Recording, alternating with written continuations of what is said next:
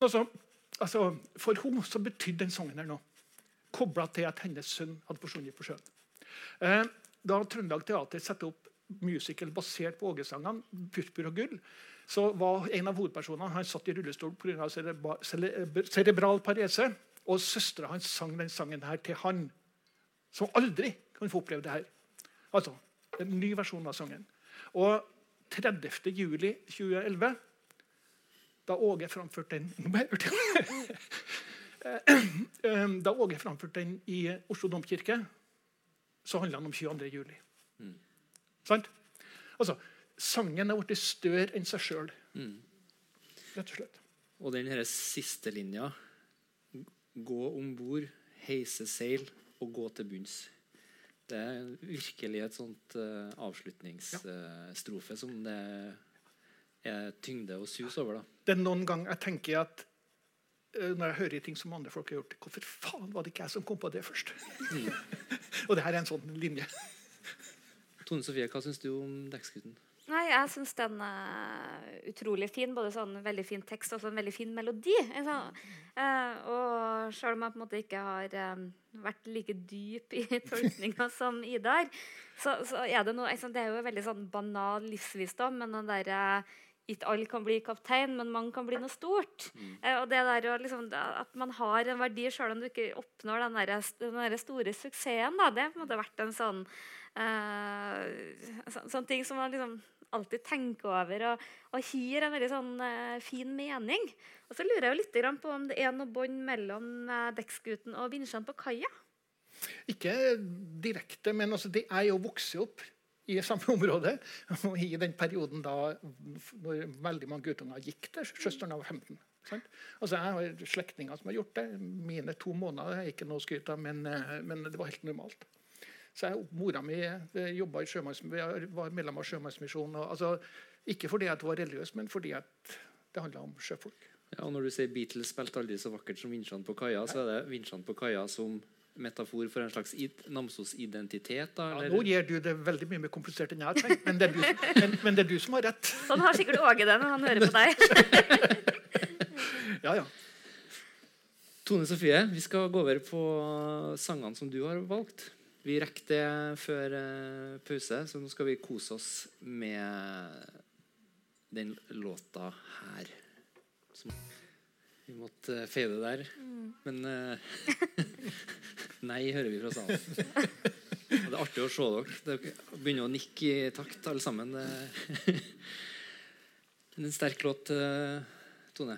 Ja, det var jo ikke lett å plukke ut to låter, men den her er på en måte ganske lett lell. For det, jeg syns både melodien Så jeg er veldig glad vi fikk høre den, er så bra. Men, og, og, melodien og teksten passer også så utrolig godt sammen. Mm. Altså, det var veldig vanskelig å sitte og bare lese teksten, for da ble det liksom litt sånn, på en måte litt fattig. Men det, det, er, jo, det er jo en låt som eh, det, trenger ikke å være noen sånn dyp analytiker for å skjønne hva det handler om. Det er jo en helt åpenbar flyktning... Mm Eh, eh, problematikk her. Men det som kanskje alltid har liksom vært i mitt hode, det er litt det der utenforskapet. og som barn så leste jeg den uh, 'Fremmed fugl'-boka til Johan Jensen, som var den første biografien om Åge. To ganger, faktisk. Eh, og, og, Den har jo på en måte blitt en litt sånn metafor på Åges oppvekst og, og utenforskap. og jeg, jeg, husker veldig godt som liten at bestemor fortalte om taterne. Mm. Det var jo Aleksandersen-familien som kom med klokke og vispa og alt mulig. Og liksom, sånn, da, de var virkelig et utenforskap på en mm. helt sånn eh, ganske vond måte. Og det er jo det Åge forteller veldig sånn eh, sterkt om i den 'Fremmed fugl'-boka.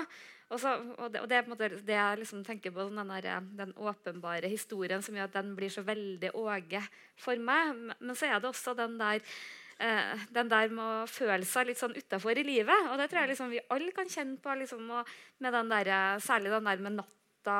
Og, og, den er jo veldig fylt av veldig mye av de der litt sånn melankoli, hviske eh, en iskald natt, eh, grå Det er veldig mye sånne ord. Jeg tror liksom det er liksom en sånn sånn låt som kan sette ord på den melankolien og den uh, være litt sånn utafor, som jeg tror alle kan føle på. Ja, og det, og det må være ganske bra gjort når du lager en sang om en ekstremsituasjon som flyktning. Mm. Og så sitter du som uh, ung jente og føler at han synger om utenforskapet også som man kan kjenne seg igjen i, i her og nå. da. Eh, ja, til og med som barn. Det er ganske godt gjort. Eh, men den, det at han trekker fram eh, flyktningproblematikk, eh, det har, det har han gjort ganske ofte. Eh, hvorfor tror du at, at det er et sånt kjernetema hos han?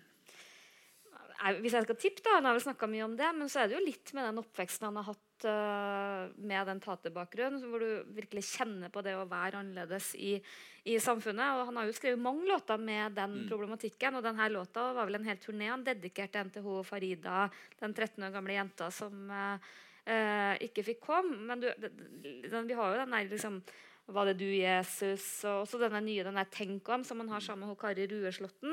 Eh, så det er jo et veldig sånn gjennomgangstone eh, i veldig mye av de mer alvorstunge og også mye av de nye melodiene. da. Og så må jeg bare si, hvis ikke dere allerede har sett det eh, 70-årsprogrammet som gikk nå på lørdag på NRK, så syns jeg jo den eh, framføringa som Mari Boine og han eh, Fjellheim hadde, var kanskje den beste av alle, bortsett fra 14 Pages, hvor Stian spilte. Den var også veldig bra. ja. Jeg, eh, jeg satt på lydprøven, og da var vi fem stykker i salen. Og da kom de på å skulle gjøre sin eh, versjon eh, av 'Fremmedfugl' av Mari Boine og Frode Fjellheim. Og en gitarist som jeg ikke kjenner på navnet på nå. Og på det første refrenget så tenkte jeg nå får jeg sikkert uh, gåsehud og ståpels. Og så kommer refrenget, og så i stedet for det så bare begynte tårene å renne nedover kinnene og endte opp med at jeg hulka litt. Oi. Så det var Du er en følsom mann. det var, var kanskje, kanskje litt nervøs for at vi skulle på scenen sjøl. Men uh, det dette refrenget, er ikke det litt sånn uortodokst å komme med på ei rockeplate? Den derre vrælet. Hadde vi hørt noe sånt? eh, sånn type refreng? Er vræl uortodoks på rockeplate? Altså. Men den måten det gjøres på her, da, synes jeg var, var veldig sånn som, du, som stakk seg ut. da. Uh, og um, ei sånn tekstlinje som jeg uh, merka meg, Tone Ei reise så lang, ikke i tid, men i savn. Mm. Det er ganske bra eh, formulert. eh. Ja, og Det er jo nettopp den type formuleringer i den låta som gjør den der til noe mer enn eh, flyktninger på reise, eller liksom, som gir, gir den dimensjonen som vi alle kan kjenne på. Da, at det er, liksom, eh, det er litt sånn umålbare. Og Mari Boine sa også på, på konserten når hun ble intervjua mellom sangene, at, at han klarer å gi flyktningen eh, følelser som vi alle kjenner oss igjen i. Som, som eh, altså lager et helt menneske inn i den eh, figuren flyktning. da Som gjør at vi eh, engasjerer oss. Eh, hva syns du om 'Fremmed fugl', Idar? Nei, jeg syns det er kjempebra. Jeg, altså, det, det er på alle mulige måter en, eh, både musikalsk og tekstlig. Og det interessante er at den altså den har den egenskapen som veldig mange sanger har, inkludert tekstgutten, eh, at den har flere lag. Så du kan liksom ta inn ett lag, og så kan du oppfatte den på én måte. Og så neste gang du hører den, så kan du kanskje assosiere eh, helt forskjellig. Altså, eh, men altså, en ting som jeg fikk lyst til å si, det er det at eh, det her er jo et, et av tusen eksempler på at Åge plasserer sympatien hos outs outsideren. Altså, det er en felles med Prøysen. Altså, han har mye felles med Prøysen, bl.a. det at han knapt nok har hengt ut en eneste kvinnefigur i noen av sangene sine, men han henger ut ganske mange heslige menn. Uh, tvert imot så er det sånn at uh, Thatcher. hm? Ja, Thatcher. Ja, Thatcher. Farvel. Thatcher henger ut. Men altså, Det er greit. Ja, det er greit.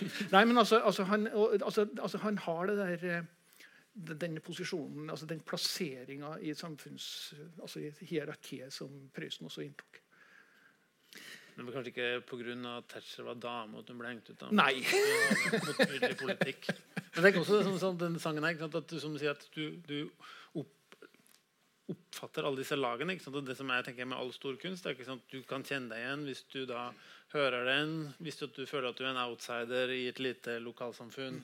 Eh, referanse til hans egen oppvekst. Ikke sant? Og så har du dette store perspektivet med at alle, alle føler? Og da treffer han jo akkurat det han sitter og snakker om på det første intervjuet. Du at han Og da treffer han de som er 15 år, de som er 40 år og de som er 60 år.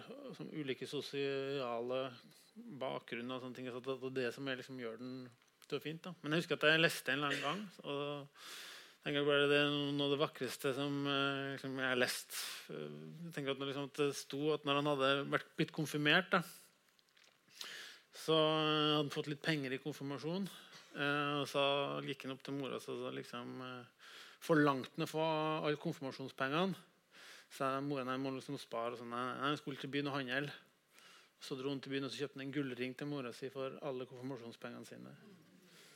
Og det bare, er bare sånn Uff, det er hardt and soul, det. Det er faen meg hardt and soul, altså. Så, uh... Nå tror jeg vi må over på Hva helt annet? Nå skal vi litt, Dette blir litt mer én til én, tror jeg. Den neste låta. Før uh, neste spor. Det her var den andre låta du valgte, eh, Tone. Ja, og det er nå jeg skal komme med en dyp analyse av alle lagene. Nei, det var jo virkelig noe helt annet. Men for meg så er også Åge veldig mye fest. da. Eh, rett og slett fest og moro og vorspiel og lokale. Og det har det liksom vært siden jeg fikk lov til å gå på fest. Og det fikk man jo relativt tidlig da i Namdalen når vi vokste opp. Eh, og Eh, det, det, er liksom, det, det herlige med denne låta her synes jeg at den er så gjenkjennelig. Eh, med det derre smørbrødet med, med fiskepudding, med majones og er fergekøer og turnebusser. og ikke minst da min favoritt, den derre S-posen med sko. Den er, den er så, den ja, den er det. Det er nesten så at den gjør hele den eh, låta alene. Og jeg tenker den litt også som en sånn uh, Den beskriver jo veldig liksom, det turnélivet, og liksom så uglamorøst som jeg tror det har vært for han i veldig mange år. Men for de aller fleste artister, norske artister, uh, vil jeg tippe. Men det er også en veldig sånn hyllest til publikum. Og, og for meg så er det særlig det han snakker om med eh, ungdomshus og alle de der husene. Vi har jo veldig mye av det. Jeg ser jo det er noen uh, sambygdinger av meg fra Åttersøya hvor det var fjellvang. hvor Jeg husker at jeg liksom så Åge. og det, Du har alle disse rundt omkring på bygda. som er, Enten så er det et idrettshus eller så er det et ungdomshus eller bedehus. Men der var liksom festene. Med grønne trekulisser. ja, og jeg synes Det er så utrolig god beskrivelse. Og så var det litt artig å høre denne versjonen. For det her er jo blitt en sånn som Åge alltid har med i repertoaret. Og han har jo rocka veldig mye mer opp. Eh, Så liksom når du hører den, nå, så høres den veldig gammel ut Ja. mot hvordan jeg er vant til å høre denne låta. Og litt rotete. ja. Den er jo, det var 'Norge mitt Norge' fra Ramp. Uh, men det å skrive en låt om turnélivet Det er jo egentlig litt sånn uh, narsissistisk. Det er ikke så mange som opplever turnélivet. Hvordan klarer han å gjøre det gjenkjennelig? Jeg tror en sånn låt som denne handler like mye om at han prøver å forstå seg sjøl litt. Fordi at det er dette livet han lever. Ikke sant? I så mange år av uh, livet sitt hvor han bruker så enormt mye energi, tid og krefter på dette her. Så jeg tenker litt sånn når jeg liksom, hører teksten noen ganger at ok, det er en sånn ja, Hva kan jeg gjøre for å forstå meg sjøl og motivasjonen min litt bedre? Uh, hva er det som driver meg? Uh, kanskje er det helt feil, men det, det er noe som jeg kjenner på, i hvert fall. Ja, jeg tenker at den kanskje også kan, i likhet med Langt igjen til Royal Albert Hall, eh, tegne et bilde av noe som er litt sånn eh, umulig. da, at det er En slags sånn Askeladden-myte her òg. At, han- at han prøver på det håpløse. og Sånn sett at det også kan være kanskje noen metaforiske lag her. da. Nei, altså, jeg vet ikke om det er så metaforer her, men, men, nei, men, men det, her, det her er altså Ser bort på Ida og Line det her, jo, men det her er en del av Springs- Springsteen-trilogien. Og, og, og, altså, Vi hørte jo så vidt uh, vår lokale saksofonist her. Men altså, uh, noe av hemmeligheten som jeg tror han har blitt inspirert av Springsteen på, det er å mer gå inn i det både private og erfaringsmessige og klare å formidle det over til generelt. For det Bruce Springsteen veldig dyktig til, å, Han skriver jo om band fra New Jersey som spiller. Sant? Altså, han skriver også om å farte omkring. altså Han farter, han farter jo omkring i USA, men det spiller ingen rolle. Han, han lager gjenkjennbare ting. Han dikter seg sjøl inn i andre folks historie. Han bruker andre folks historie som inspirasjon når han skriver om seg sjøl. Og det var det Åge for alvor begynte å gjøre med denne perioden her. Og, og det her er jo 100% selvbiografisk. Og som sagt, jeg er helt enig med S-posten med sko. Hvorfor faen var det ikke jeg så god på det? Sant, Hvis det er det han gjør, han, han fer rundt og spiller, Ja. og han skal skrive om livet sitt, så må han nesten skrive den låta her, da. Altså, det som han, sønnen Tom sa på, på programmet om at uh, 'hold kjeft, spis is', var sjølopplevd. Jeg husker veldig godt at vi brukte å, å synge 'Norge mitt Norge' når vi kom hjem fra ferie. Og så brukte vi 'Namsos mitt Namsos'. Men så funka ikke lenger. Nå kommer vi igjen. Vi blir noen få timer, så drar vi igjen. For det, det var kanskje den eh, drømmen, drømmen om å være på turné. Og så eh, den herre hy hyllesten av publikum. Altså vi, vi alle sammen som er og ser Åge, er på en måte en del av og, øh, og at vi er med å lage Åge, vi òg. Og det å, å lage sanger om å spille konserter eller å være på turné sånn som øh, og Rio de Janeiro òg. Og det sa jo Halvdan Sivertsen at det var liksom en sånn låt som alle som har vært på turné, kjenner seg igjen i. Har du noe Rio de Janeiro? Er det en øh, låt Jeg har, aldri, jeg har ikke farta så mye på turné, så, eh, men, eh, men det er en gjenganger. Altså, nesten alle eh, artister har skrevet i band om å farte omkring på turné. Inkludert Halvdan Sivertsen. Da tror jeg det passer med ti minutters pause. Og så blir det enda flere godbiter om ti minutter. Så nå kan dere strekke på fotene og kanskje ta en forfriskning. Da er vi klar for eh, den siste, litt kortere timen med Var det Åge Symposium eh, det var solgt inn som? På slutten så vil det bli anledning til å stille spørsmål. Eh, eventuelt om det er noen som har noen kommentarer å, å komme til det som er sagt fra scenen. Jeg tror jeg vi bruker ti minutter på, helt på slutten, fra ti på ni til, til ni. Vi starter bolk to med å se litt på video. Jeg tror dere kjenner igjen sangen. Der var vi. Petter Nomo på slutten. Frode, det her er din eh, favorittlåt. Hvis du skulle, I hvert fall den du valgte å ta fram i kveld. Ja eh, altså, Se på, på siste verset. Ikke sant? Hvis du så på nyhetene i går, det er valg i Israel, hva gjør Netanyahu? Han bomber Gaza. Ikke sant? Sabra Shatila et verkende sår. Det er fortsatt et sår der. Ikke mitt da, Navnet var Pallak. Jan Pallak, byen var Prag. Et verkende sår på en gryende dag. Ikke sant? Hva ser i Øst-Europa i dag? Akkurat det samme i Ungarn som skjer. Sterk innflytelse fra Russland. Eh, man tar bort eh, friheten til folket. Det blir mer og mer kontroll. Eh, tragisk historie om en ung mann som tenner på seg sjøl. Som et, sånn der, et skrik ut mot verden. Ikke sant? Vi ser det igjen. Ikke mer enn to-tre dager siden, nei, to-tre uker siden, jeg husker ikke akkurat. Hva er det vi ser i New Zealand? Jo, et rasistisk angrep. Ikke sant? Det handler om akkurat det samme. Den saken her, hver eneste dag kan du slå opp i en virksomhetsavis, virksomhetsnyhetskanal, så ser du noen av disse tematikkene like aktuelle i dag som de var på 80-tallet. Eh, og det synes jeg er liksom det herlige med Åge, liksom, at han er så uredd. Han går rett inn i det. og Uh, Han har liksom det store på en måte Tar det samfunnsansvaret, da. Eh, men det siste verset er bare Det er, liksom, det er helt ikonisk. Det var den doble, doble betydningen der. ikke sant? Sønn av en snekker, født av en mor som hver eneste kveld sier det blir fred på jord.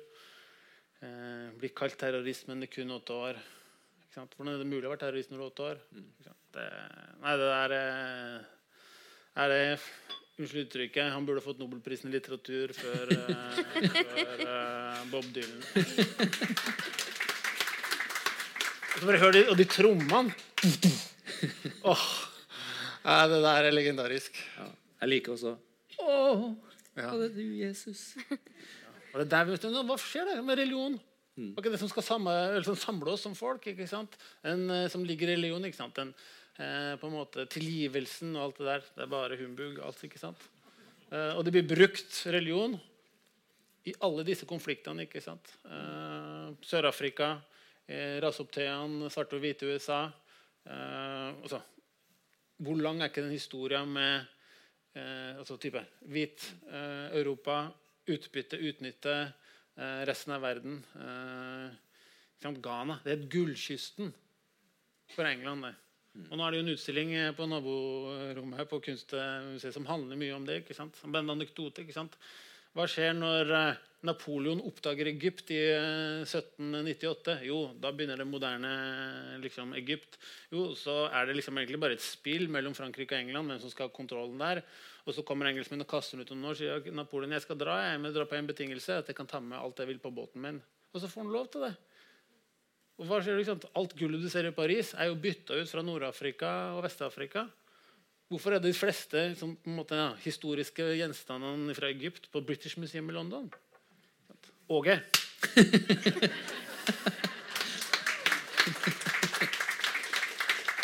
Men I- Idar, eh, politikk og visesang det er jo, på en måte går jo hånd i hånd. Men eh, politikk og rock, Ja. Trønderrock, sånn som det er gjort her, var, det på noe vis eh, overraskende når Åge gikk inn i sånne eh, nyhetssaker, da, som han egentlig gjør her? Nei, altså det, det som var litt artig nå da jeg begynte å gå gjennom det stoffet, her, det var jo det at jeg oppdaga at nesten alt Åge skrev sanger om eh, på sent 70- og tidlig 80-tall, det skrev jeg sanger om som visesanger. Eller jeg var i hvert fall med på å framføre dem i visegruppa som jeg var med i. det er litt det jeg ser med at Åge passa veldig godt inn i den tida. Han var en av de få i Norge som gjorde det der som kanskje i den perioden er nesten den eneste. Altså Hans Rotmo var ikke han var ikke så mye rocker, han var, selv om han prøvde seg litt.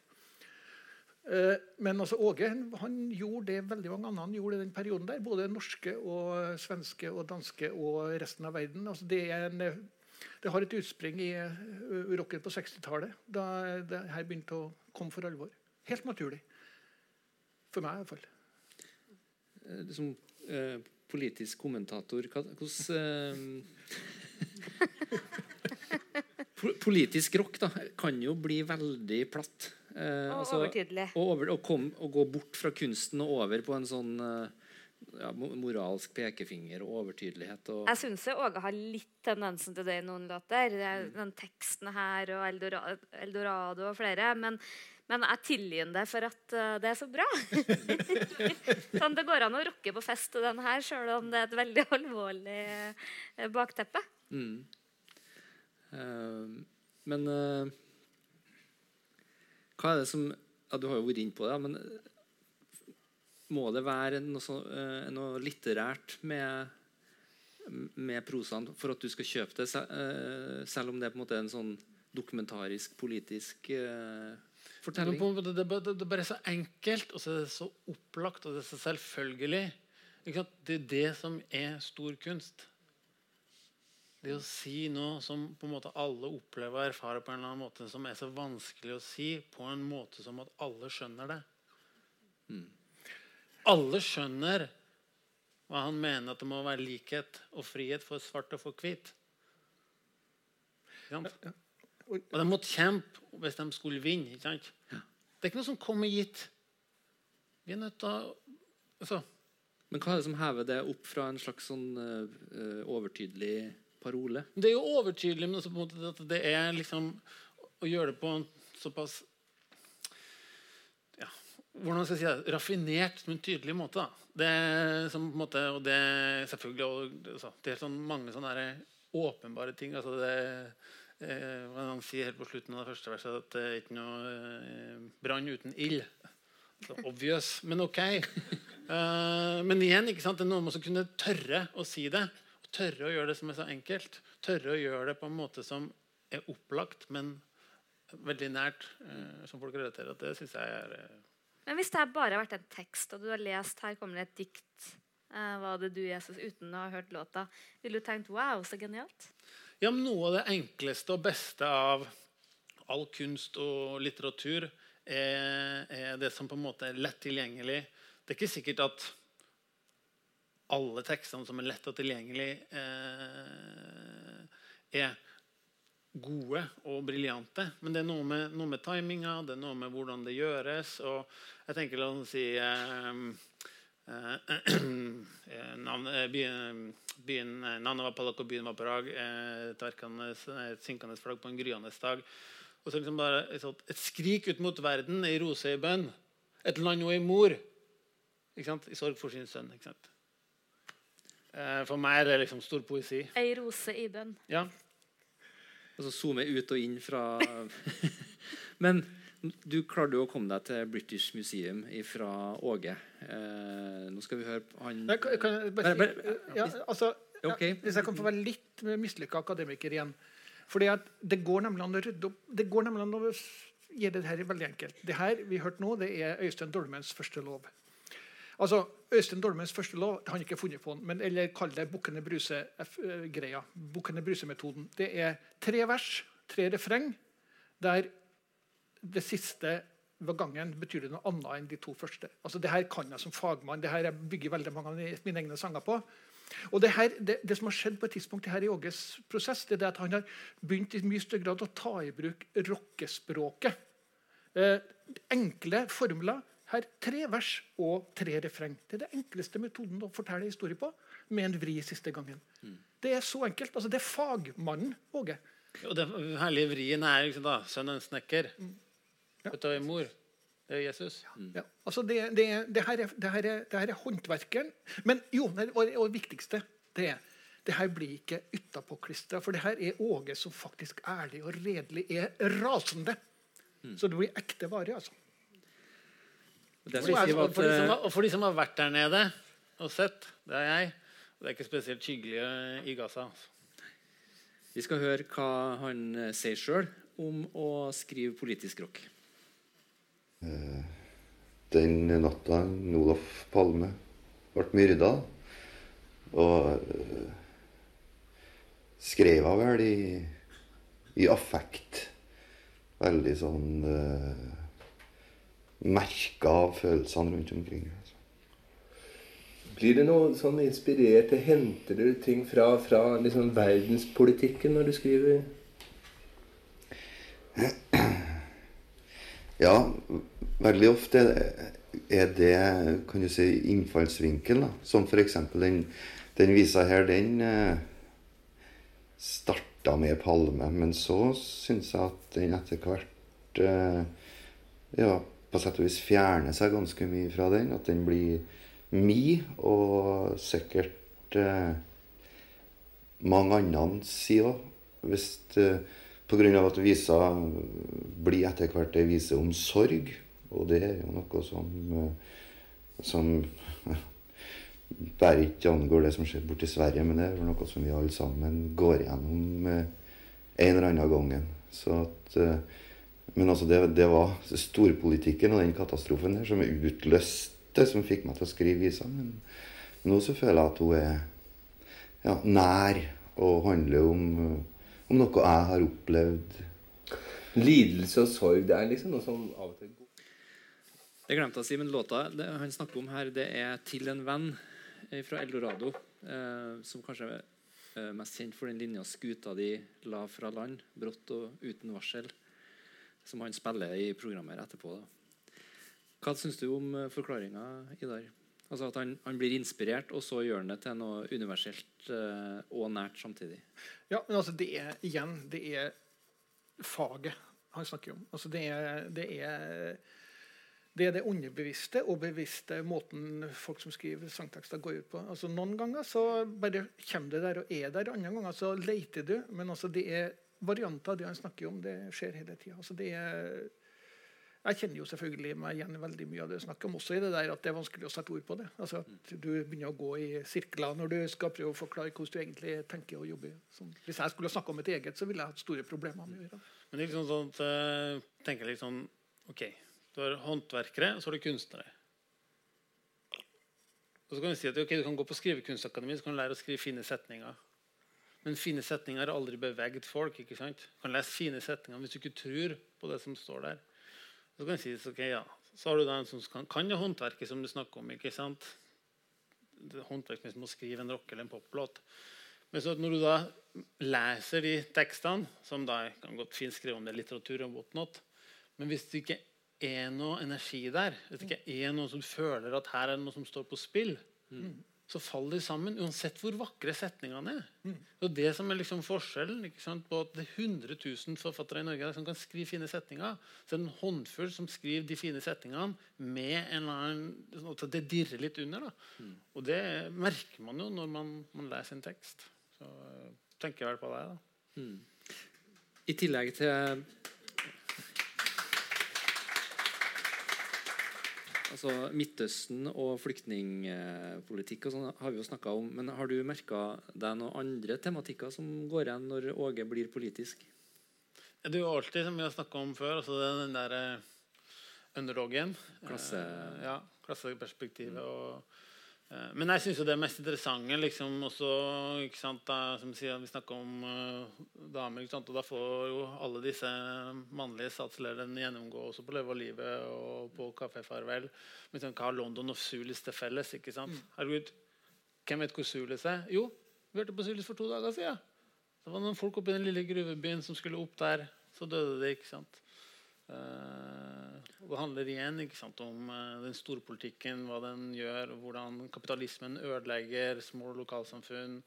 Eh, nei, det Nei, jeg hørte igjen eh, Le- Leve livet-plata nå i, i prosessen her. Også.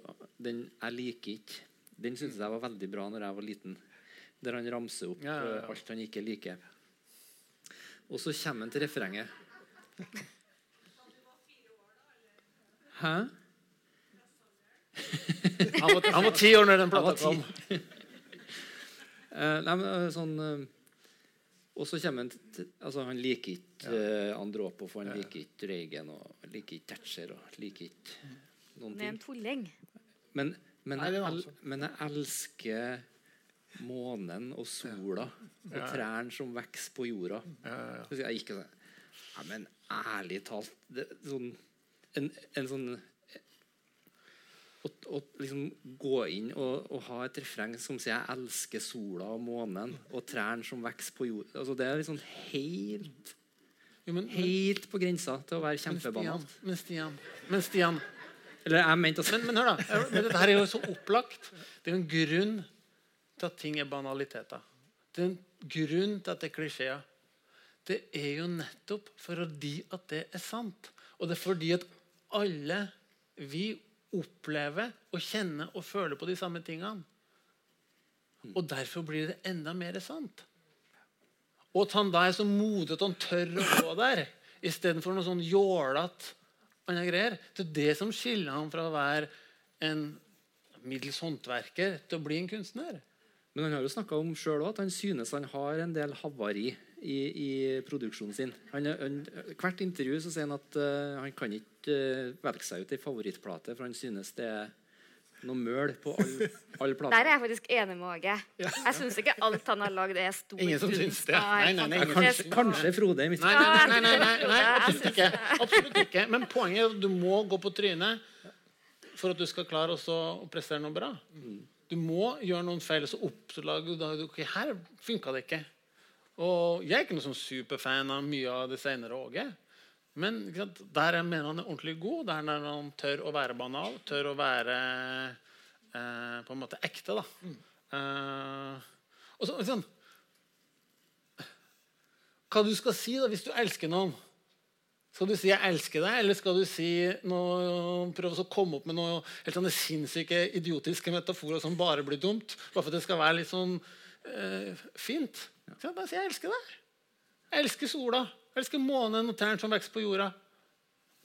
Og det å være glad i deg. Ja, herregud. ja, men altså, det, er, det, er er, måte, det er enkel matematikk.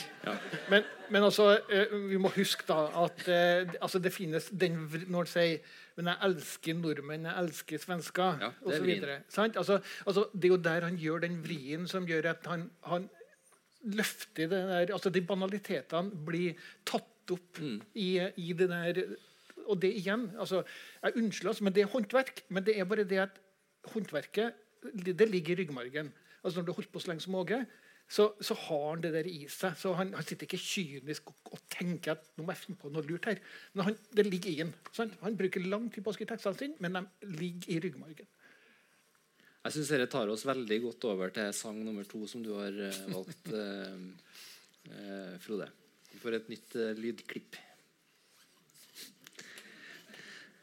Det er et bra valg. En bra politisk tekst. Ja, det er faen meg virkelig nivå på den også tredje verset. Fjordvine til Larvik var en herlig ferie, det. Begge ungene brun om pappa. Fin og brun han med. Herregud, trenger ikke noe sånn luksusferie. Bare dra til Larvik for litt ferie, litt sol. Sånn er livet.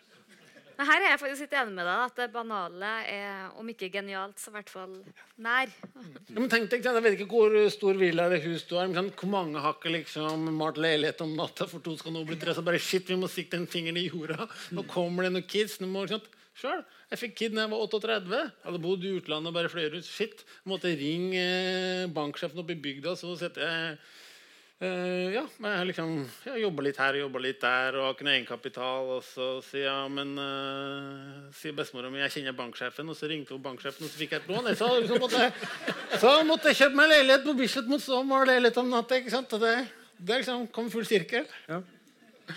Var det til den låta her, det, kanskje? Jeg malte ikke det, den, men, uh, men på, den lå jo der. ikke sant? Den lå der. Så eh, Men her tenker jeg på fag... Eh, altså fagmannen. Fire pils og en pizza. Både som metafor og tilstand. Nei, det er ingen og- metaforer her i det hele tatt. jo, selvfølgelig er det metaforer, men det er det du som sier, og det har du rett i. Jeg sier ikke det er metaforer. Nei, men altså, altså det, er, det er ekte vare.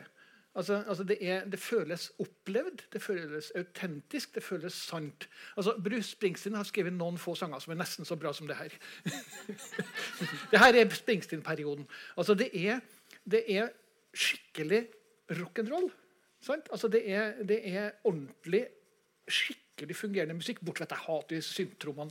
Men, eh, men, men altså, det er det verste som skjer med musikken. hadde vel syndrom, han òg? Ja da, men det er det verste med musikken på 80-tallet. Det var syntromene.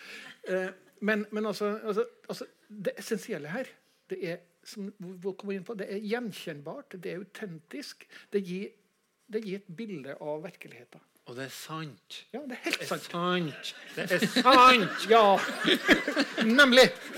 Vi vil ha sannhet. Ikke noe av disse fake news-tider. Jo, men altså, det er sånn at, det er, det er sånn at eh, innimellom når jeg hører på en del av Åge-sangene, så tenker jeg jeg vil ha mer fire pils og en pizza. Altså, Når en graver seg langt ned i grublinga si, så, så, så savner jeg de her sangene her. Altså, fordi at, fordi at Noen ganger så blir han så lur og tenk, uttenkt og komplisert at han knapt nok skjønner det sjøl igjen. Men det er jo på en måte en hyllest av det vanlige. da. Ja. Eh, men, men det er jo godt gjort. Og, altså, du har dere konkrete fire pils og en pizza. Og i mitt liv så var det veldig lenge utrolig luksus. hvis det liksom... Det var først når jeg hørte lite dyr og biff, sjam- nei, lite biff og dyr champagne, at jeg skjønte at fire pils og pizza på en måte ikke var noe, noe storflott. Men, men det med å, å synes at fire pils og pizza er virkelig eh, greia Det er jo mer enn bare fire pils og pizza. Du, du, får, du, du, du drar jo fram um, hver, hverdagsmenneskets fest og hverdagsmenneskets uh, plikter. Uh, og små gleder som kan være stor. Altså, jeg tenker at Det kanskje er grunnen til at Åge kan uh, turnere Norge rundt uh, i, i 40 år. Da, at han har klart å sette ord på, på det vanlige livet. Ja, men også sette en ord på en sånn måte som finner på, på de fineste tingene i det vanlige livet. Det er Ikke bare levd liv. Fineste tingene. Og vi skulle ha kjøpt oss villa, men det ble ikke noe av det. Male leilighet om natta, for to har nå blitt tre. Hva slags eh, kvalitet Altså, Du syns det er fint? Jeg vil si, jeg vil si takk for maten. Ferdig snakka. Men jeg synes er sånn tekstlig sett at den der egentlig fortjener litt sånn renessanse. For det er noe med liksom det der enkle er det beste. For jeg syns jo det har blitt utrolig mye jål. Biff og dyr champagne er jo ikke akkurat uh, vi, Nå skal ikke jeg snakke ned matbyen eh, Trondheim, som vi har drevet oss litt mye av. Men noen ganger også liksom, alt det med mat og alt som er, så får jeg litt sånn «Åh, Kan ikke jeg bare få et stort glass husets vin og en pasta? liksom? For det er liksom veldig voldsomt mye, da. Jo, men også det at de, at, de, at, at de små gledene er egentlig de største. Det handler ikke om den turen til fuckings Bahamas. Det handler ikke om den biffen og den dyre champagne, men det handler om de små mellommenneskelige relasjonene og verdiene. Mm. Vi trenger ikke å reise hele jorda rundt på en ferie. Vi drar til Larvik, vi, så soler vi oss litt og blir litt brun. Er det litt Bekkskudden? For å trekke en linje tilbake Det er det. i matveien. Vi må være veldig forsiktige nå, så at vi ikke blir tatt til inntekt for Odd Reitan sitt uh, det enkle, ofte beste Men, men, men, men, men, men Stian, Stian, Stian. Stian igjen. Dette er jo helt opplagt. Det hadde ikke vært noe Rema 1000 hvis det ikke hadde vært Ågot. Det hadde ikke vært mulig. Eh, Bare minn om at det ble ikke et samlealbum som heter for Æ. Ja, det, det har han. Ja, uten samlealbumet Æ så hadde ikke Reitan hatt det der Æ som slagord. Det er jeg helt sikker på. Så uten Åge ikke Motorpsycho eller Rema 1000. Men, men, altså, men, men, men altså, i og med at vi, vi, har jo, vi snakker jo nesten ikke noe om uh, nyere ting. eh, og det, eh, det, det Jeg syns jo ikke det er noe rart. Men eh, vi er jo, er jo enige om at det har dukka opp en del sanger innimellom. Og da jeg lagde et lite sånn liste over nyere sanger, så eh, sa du Men du har glemt 'Danserinnen', sa du. Eh, og det, og, ja, ja, selvfølgelig har jeg glemt 'Danserinnen'. Altså, vet ikke om dere kjenner den, men altså, det er jo en sang som tar utgangspunkt i at eh, mora hans hadde mista um, samboeren sin. eh, og handler jo om ei som danser rundt i ei leilighet og til musikk Nå har jeg glemt hvilken musikk det er. Eh, ja, OK. Sånn, eh, Help me through the night. Help, ja, help me to the night. Uh, og, og har- det er et glass vin med leppestiftmerker på. Altså, og det er akkurat i denne samme kategorien. Det handler jo om å ta noe som egentlig er en tragedie, å ta sorg ned på et neddempa, rolig miljø, miljønivå. Altså, der, der han beskriver noe som er helt sant, og som er, og som er gjenkjennbart. Selv om du ikke, altså, ja, altså Det er rett og slett helt sant, helt gjenkjennbart. Selv om det handler om en person som du ikke vet hvem er. Å danse ensom Til 'Help me make, it, through the night' Ja, på radioen. ja. Jeg synes det er nydelig. Fire pils og en pizza var den eneste låta som alle dere eh, tre spilte inn som uh, en vi måtte snakke om, forresten. Det var jo litt artig. Eh, Men er det noen som ikke liker den? jeg tror ikke jeg har møtt noen som ikke liker den. Nei, jeg tenker Den må være på topp fem til alle. liksom. Det, Apropos det. Det er to låter som det er vanskelig å, å, å ha et Åge-symposium uten å snakke om. Så derfor, så, og det er etter innspill fra deg, Tone Vi må jo snakke om leve livet og lys og varme. Så det må vi, sant? Kan jeg si én ting om 'Leve livet', som jo er en vilt sagt rocka låt? Eh, eh, jeg satt på den tida der og hørte jeg hører veldig sjelden på Nitimen, men jeg hørte på Nitimen, og der kunne da folk ringe inn og ønske seg plata. Da var det da ei på 64 år, jeg er 64 nå, eh, og jeg ble så på en måte overraska og glad over at hun skulle ønske seg plate, eh, ønske seg en sang av Åge. Så verda ikke 'Lys og varme', men hun valgte 'Leve livet'. Altså, nå er jeg så gammel at jeg skjønner at det går an å like rockalåter sjøl. Men altså, altså, altså det, det, det, var noe det er så typisk for det som foregikk i den perioden der. altså At han, han traff så bredt med to så forskjellige sanger. Mm. men hele den plata er jo bare et sånn, eh, sånn altså, Et ras av mesterverk. Ja, ja, ja. Helt enig. Det var kanskje litt overdrevet, men jeg, jeg ble litt sånn, kjenner at jeg ble litt, sånn, litt, eh, litt vel engasjert her nå. Men eh, mange gode låter, da. Hva hadde Trøndelag vært uten Åge? Ja, det fant jeg ikke. Jeg tror ikke Nidarosdomen. hadde ikke vært med. Men, men, jeg, men jeg vil gjerne, vil gjerne fortelle, fortelle et par sånne morsomme digresjoner her. fordi at som sagt, ikke sant, Jeg er født i Namsos, eller Overhalla. Eh, vokste opp med å flytte til Oslo. og Så var det eh, ja, vet ikke om noen som eh, ja, Ti år siden så var det et sånt TV-program som heter Trygdekontoret, som begynte på NRK. Da hadde jeg bodd ti år i utlandet eh, og var veldig sjelden hjemme. Men han som hadde det programmet, en kompis av meg, så sa han jeg har fått eh, med et program på NRK3 om jeg hadde lyst til å bli med som gjest. Ja, ja. Og kom jeg da og møter opp der, og så skulle vi snakke om litt sånn norsk eh, musikk. og så var det da en sånn eh, dame som heter Susanne, som var litt sånn rockedame. Og så var det Bjørn Eidsvåg, og så var det meg. Eh, Men når jeg kom dit, så visste jeg ikke at eh, NRK3 var en TV-kanal. Eh, sånn at Så ble det en sånn liten sånn spøk da, hvor jeg ender opp i slutten av programmet med sånne store røde briller og sånn parykk, og så blir jeg til Åge og liksom har et flammende varmt innlegg for Åge og trønderrocken. Eh, Åge fikk da sett det, han syntes jo det var morsomt. Og jeg fikk en sånn hilsen til og med i et sånn portrettintervju når han ble 60 år i, i Dagens Næringsliv. Så det var jo liksom made my day.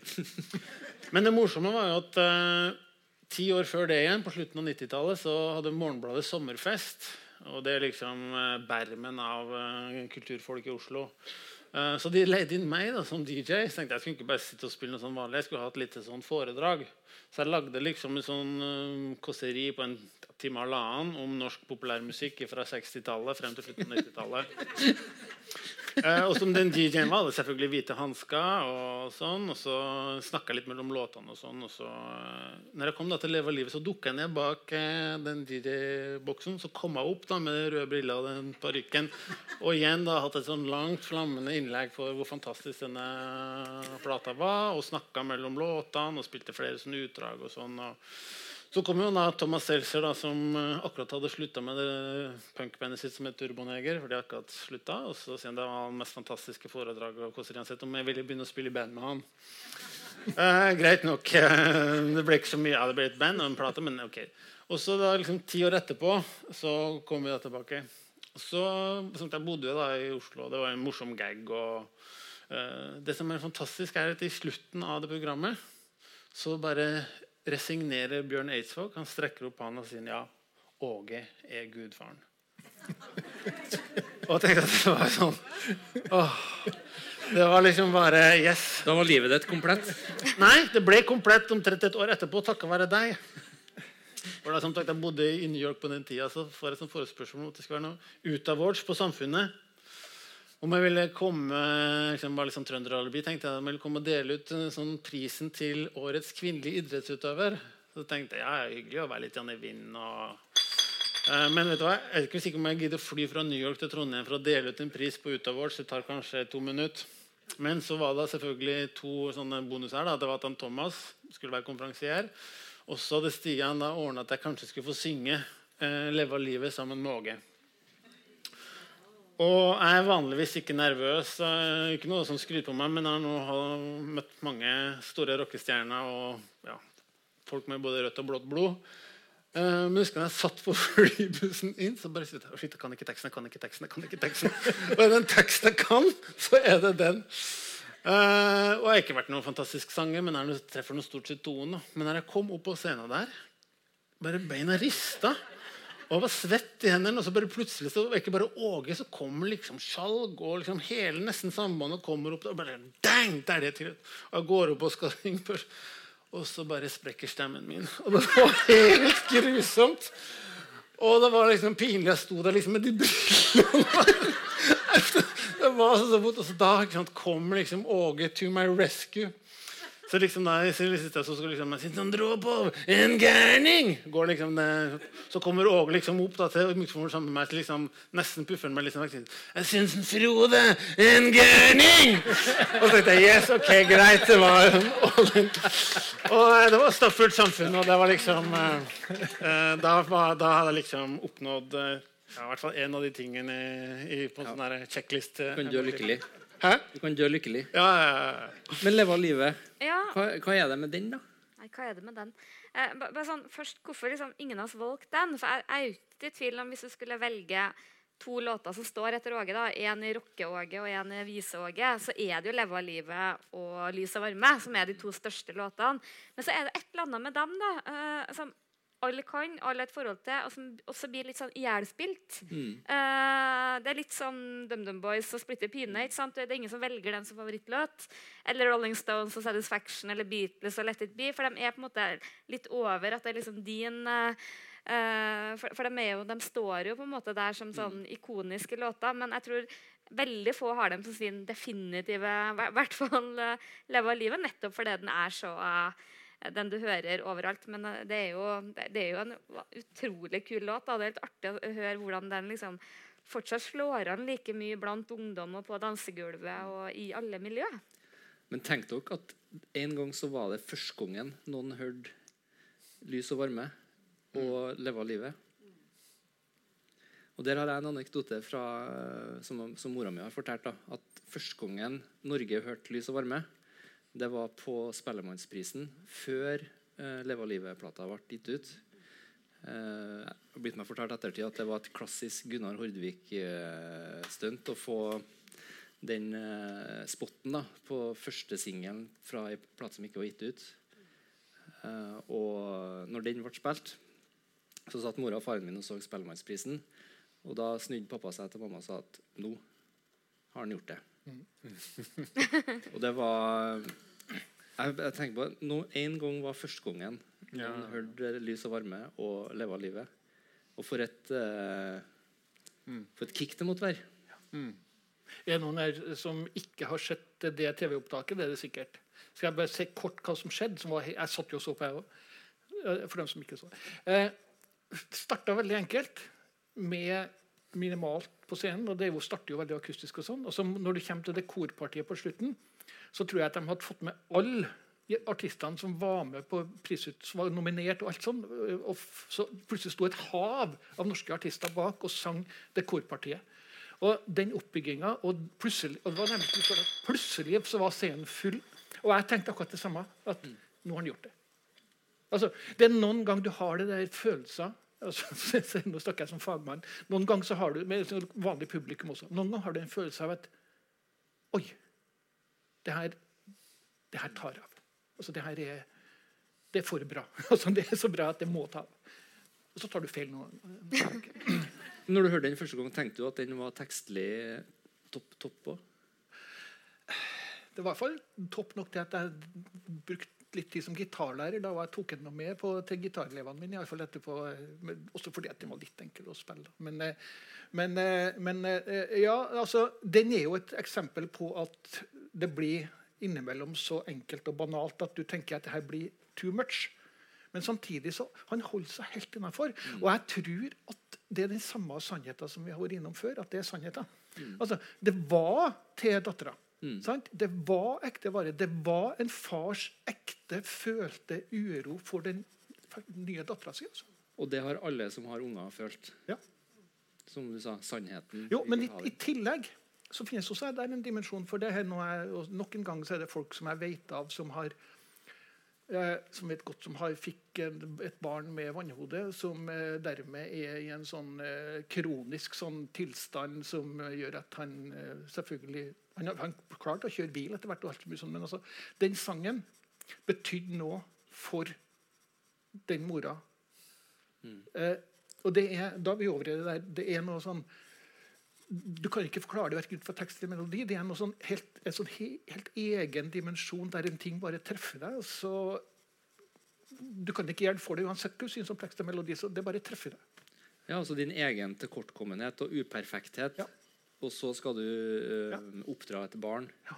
Og svarene som jeg gir deg, ikke dem jeg hadde i går. Det er en sånn det er en uro der da, som er veldig godt sånn, Jeg vil tro faglig godt skrevet òg. Ja, men veldig banalt. altså, i anførselstegn. Det er det som er med trønderen på et eller annet vis. det er Ikke sant? Som, om du tenker at Nå blir vi veldig sjåvinistiske. I hvert fall blir jeg. Den er litt sånn, Trønderen er enkel i uttrykket, men den er ikke enkel å begripe. det er ikke bare liksom, å, liksom at du skjønner alle ting. ikke sant? Nei. Og det, og det, og det raffinementet ligger jo fordi at det er teksten. For musikken er mye mer intuitiv. Det er en mikrofon som kan øh, gå rundt i salen hvis det er noen som har spørsmål til panelet eller øh, noen kommentarer. Det er ei, ei rødt her som øh, Jeg har bare hurrarop. Jeg heter Aud Steinsbekk og jeg er namsosing. Oh, jeg har så lyst til at vi skulle nesten ha reist og spise med namdalinger her nå. Eh, eh, fordi, fordi at det med en Åge For eh, oss som kommer fra sånn type miljø, å få lov til å eh, være kry av å være dem vi er, fra Namsos, fra arbeiderklassen, det var så viktig for identitetsdanninga og har vært det hele tida. Eh, sånn at han har gjort masse eh, for mange av oss eh, som er kry av å være trøndere. Men jeg var ikke klar over at det er han som kan til både Nidarosdomen og Rema 1000. Og det, jeg, setter jeg kjempemye pris på at jeg er enda mer å, å være kry over. Og så skjønner ikke jeg at du, Stian, sier hvem far din og mor di er. For det må du jo gjøre. Ja. Så takk til dere. Det har vært en fryd å høre på dere. Og jeg syns det er så deilig med så mye heftig og begeistra Åge-hurrarop her, altså. Så han har bare gjort masse for mange. Takk til dere, og takk til Någe.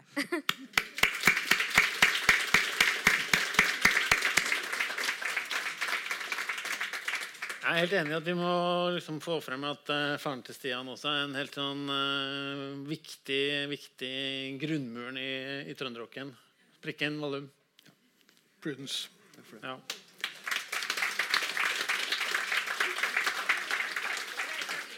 ja. Sørgaard fra Vika. Er det Virker mikrofonen nå? Ja. Ja. Ok. Eh, jeg eh, har en liten hilsen jeg òg, fra Namdalen. Og Aud, det var artig å se at du var her. eh, jeg er ikke namsosing, men jeg er eks-namsosing. Delvis. Men i hvert fall så har jeg litt hilsning fra den tida som dere drev og plukka sånn i starten her. Og jeg var veldig spent på hva dere ville komme fram til. Fordi at når eksperter skal begynne å ta for seg et eller annet, så blir det veldig fort eh, veldig seriøst. Og, og, men takk til dere. eh, må jeg si. Det var veldig interessant og veldig spennende. Men eh, for å si litt fra Namsos-perioden da før i Prudence For da spilte jeg sammen med Norge i Mads. Mads Inc. Og mye av det som han skrev etterpå, på norsk, det er jo fra den tida. Det var jo det han vokste opp i. Han vokste opp med, visste jo hva som skjedde nede på bryggene, han visste jo hva som skjedde med arbeiderklassen osv. Han følte jo på det å være tater. Og han følte jo Eller vi snakka jo veldig mye om det der med å erobre Norge. Og eh, Norge mitt Norge, det kunne han godt ha skrevet i 66. Men eh, da var det jo ingen som sang på norsk. Alt skulle jo synges på engelsk, da, og vi spilte jo bare coverlåter da når vi var på fester. Men vi også skulle erobre verden, og det var da det starta. Og Den første erobringa vi skulle gjøre, det var å hive alt vi hadde utstyr, inn i en uh, folkevognbuss og erobre verden og reise til Malm.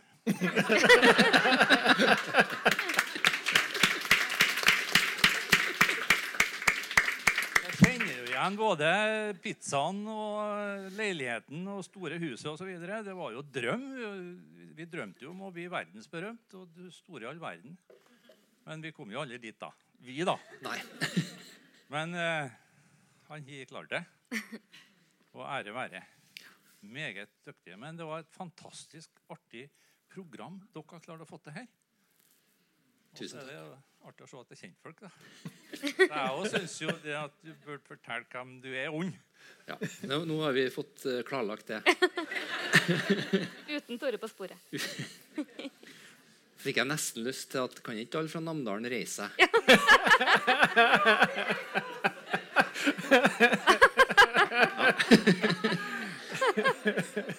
Ja, men da var det faktisk folk fra utafor Namdalen her, og det var òg fint. Ja. Nå, ja, det er et spørsmål her òg. Vi rekker det akkurat. Ja, altså, jeg har levd eh, mesteparten av mitt voksenliv i Oslo. da. Eh, og jeg har jo et spørsmål til dere. Jeg skjønner jo at Åge har vært stor her i Trøndelag fra starten og, og hans liv ut. da. Eh, men jeg har jo inntrykk av at i Oslo så var det liksom at du må ha litt av det trønderske lynnet og den trønderske forståelsen for at han skulle bli like diggbar på Østlandet som her. Så jeg er litt sånn nysgjerrig på hva dere Jeg er ikke mye innafor sånn Jeg er ikke noen fagmusiker eller musiker på den viset der, men sånn allment blant folk. Så lenge jeg bodde i Oslo, så fikk jeg inntrykk av at liksom, ja, hvem var nå det? da? Liksom, bortsett fra når lys og varme kom, da. Men det som er litt morsomt, eh, det er jo det at eh, når eh, dattera mi har jo eh, hun slo seg jo til eh, i Trondheim etter at hun hadde gått på NTNU. I, det. Eh, NTNU. Og så fikk, og så fikk hun barn, og da fikk jeg et barnebarn. da. Og da fikk jeg beskjed om at jo, nå skulle vi synge 'Lys og varme', for det var de gjorde her i Trøndelag. nemlig. Så da fikk jeg lært meg at jo, nå var det alvor med Åge. Så det var litt morsomt å se den kontrasten. Da skjønte jeg at det her var det noe veldig viktig. Takk. En ting som er viktig å få med seg som, eh, som skiller på liksom, hvis du da begynner å dele inn landet i litt sånn i ja, områder og fylker, og sånn, er at mye av musikken fra Vestlandet kommer ut av bedehuskulturen. Eh, derfor er den så på en måte lite spredt ut. Det er så marginalt eh, eh, område. Kan si da Ja, jo eh, Jeg husker ikke akkurat salgstallene fra alle platene til Åge, men det er noen, noen plater i den du snakker om Springsteen-perioden hvor det er 50 60 70 000, og så plutselig kommer vi 270 280 og sånne ting. Så det er et enormt, det betyr at i hvert fjerde hus er det en eh, Åge-plate av Leva livet. Og så må man også tenke på sånn at ok, Musikkmiljøet var også ganske stort i Østfold på 60-70-tallet. og Det er mange gode band som Aunt Mary og en del sånne progrock-band. og sånne ting. Men de var ikke i nærheten av å bli like store som på landsbasis som det Åge ble. Og så er det en ekstremt interessant og viktig ting. Namsos er det 12 000-14 000 innbyggere. Hvis vi begynner å se Å jo. Hæ? Ja, men, ja, men, men, men hvis, vi skal, hvis vi skal begynne å se på hva det er som har kommet ut av musikk fra en by som Namsos uh, Hvis vi så begynner med Ingebrigtsen, så har du selvfølgelig Prudence, så har du Åge, så har du Terje, så har du DD, og så har du altså, Askild Holm, og du har Nullskattesnylterne, og så har du Shant Torsvik, og så har du til og med Satyricon. Ikke sant? Black metal-bandet. Han vokste opp på Overhalla. Når han gikk på barneskolen, så var Eskil Brøndbo trommisen i det Han var fadderen hans på barneskolen.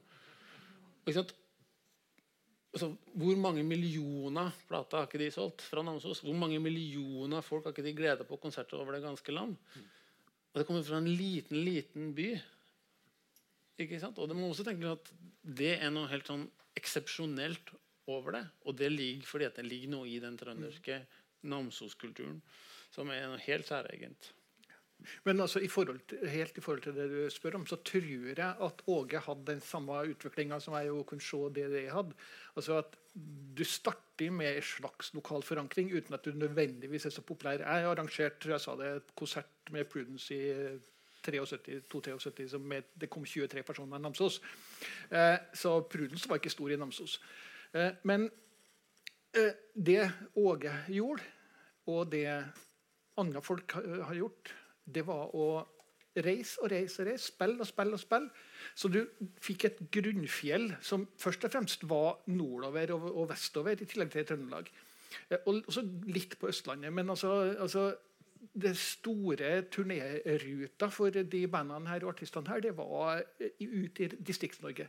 Men så kommer du til et punkt der de da slår gjennom og får eh, delvis blir ekte populære og delvis får kultstatus i, i Oslo-området. Eh, og det er sånn, På et eller annet nivå så bikker det over, og for Åge så var det med Leve av livet. Et spørsmål, eh, to spørsmål til. Dere klarer å sette litt over tida òg? Ja. I starten så snakka dere om at Åge snakka ikke så mye om kvinnfolk, eller sang ikke så mye om kvinnfolk, men da har dere glemt Gøril. Nei, nei, nei, jeg sa at han henger ikke ut kvinnfolk. Han henger ikke kvinn, ut kvinnfolk, men Gøril var vel kanskje litt i den banen. Nei, hun var et offer. Hun var et offer. Ja, eh, men jeg syns det eh, Takk til alle dere og, som har på en måte gitt oss en bredde eh, i forståelsen av eh, Åge. Og alle sammen tror jeg vi har eh, noe i livet vårt som vi kan hente eh, fra hans tekster. Men vi kan vel ikke gå herifra uten å ha snakka om Trondheimsnatt, Mm. som betyr eh, mye for hele folket. Det har jeg lyst kanskje at dere skal si litt om. Ja. Det har jeg tenkt på som eh, da far til unger som har gått i barnehagen. Og det er jo at Trondheimsnatt har blitt det nye Lys og varme. Det er den sangen jeg tror unger flest, i hvert fall i byen her eh, så, så er den uh, mer fremtredende som sånn uh, allsang enn Lys og varme. Eh, du hadde noe sånn Du var ikke helt fan av Trondheimsnatt? Jo, jo altså, men, men altså, altså, når, hver gang jeg hører Trondheimsnatt, så tenker jeg at der har Åge enten sittet på toppen av Rosenborg Park eller sittet i tårnet sitt der, utpå der, og så har han kikka ut mot Munkholmen, og så har det vært noe feil med lysanlegget. sånn at, for, fordi at en rubin rød. ja, altså, det er det eneste innvendingen jeg har mot den sangen. Altså, men det er også et eksempel på at Åge ikke bestandig treffer på finmekanikken i tekstene sine. Og Her har han altså da brukt eh, et litt skjevt og feilt bilde. Men så ser jeg for meg at nei, men ok, akkurat da han skrev den sangen, så var det noe feil med lysanlegget. Og da passer det. Nei, Munkholmen lyser som en rubin. Og, og i, i, i, mørket så Nei. Men, men som sagt, hva feil med lysanlegget. Og ett spørsmål til i salen må bare ta litt på ordet med bedehusmusikken. Jeg kommer opprinnelig fra Sauda. Og Der er det en som har veldig mye fine tekster. Og jeg har hele album, eller alle albumene hans. Men jeg har bodd i Trondheim i 35 år. Men aldri jobba her, da. Vi bodde her alltid. Og eh, Åge for meg og samfunnet og Det har vært fest og dans, som du sier, Tone. Og jeg vil bare si det jobben dere har gjort i kveld Jeg skal rett hjem og begynne å skaffe ei og ei og ei og ei plate. Altså hele, hele greia. Tusen takk. Vi eh, Det var veldig hyggelig å høre. Og en ekstra applaus til panelet.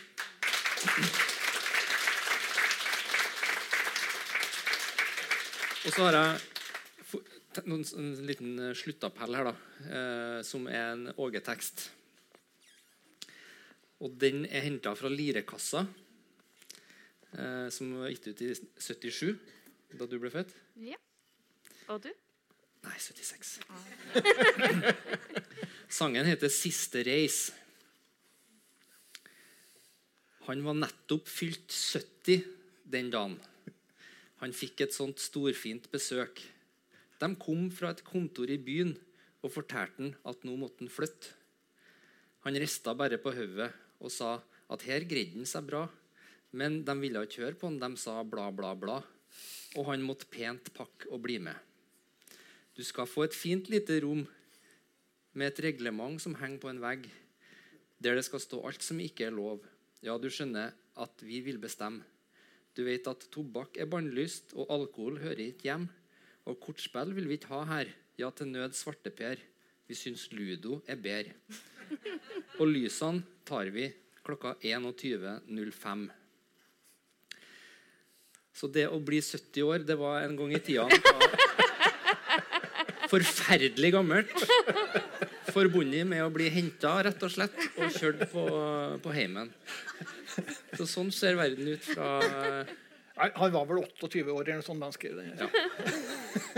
Så her har ikke han truffet helt eh, på Men likevel, takk for i kveld.